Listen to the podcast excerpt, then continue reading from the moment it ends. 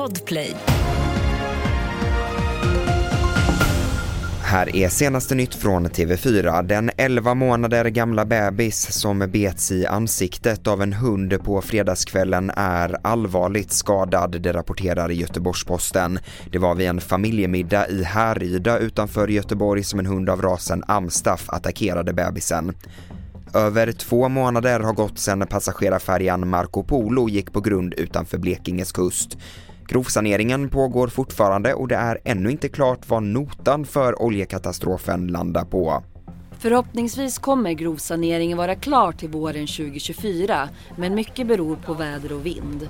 Kommunens kostnad för enbart saneringen ligger i dagsläget på cirka 6,5 miljoner kronor. Resterande av notan för oljekatastrofen ska stämmas av med MSB som står för all kostnad i början av nästa år. Vi kommer förmodligen ha olja kvar i området under lång tid och sen är det så här, man kan inte sanera för hårt heller för då skadar man miljön, miljön mer än vad man gör nytta. Då.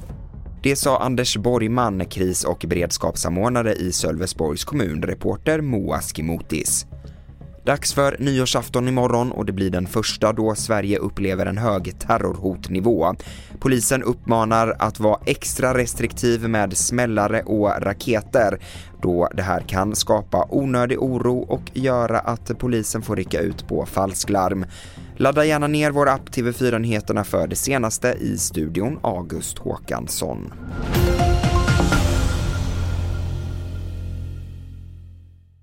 Ett poddtips från Podplay. I fallen jag aldrig glömmer djupdyker Hasse Aro i arbetet bakom några av Sveriges mest uppseendeväckande brottsutredningar. Går vi in med hemlig telefonavlyssning och, och då upplever vi att vi får en total förändring av hans beteende. Vad är det som händer nu? Vem är det som läcker? Och så säger han att jag är kriminell, jag har varit kriminell i hela mitt liv men att mörda ett barn, där går min gräns. Nya säsongen av Fallen jag aldrig glömmer på Podplay.